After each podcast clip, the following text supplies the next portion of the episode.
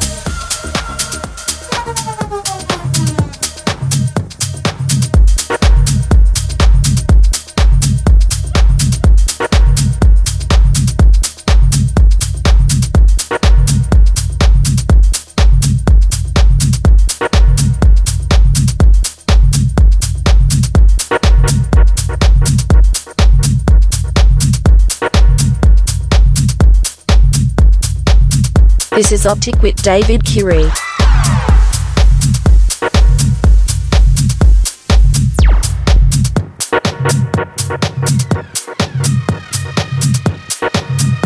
Because there is something divine about your opal flesh in the twilight, with your necklace resting just where the light presses between it. Your smile seems practiced in the air, so I will bite you just where I know You are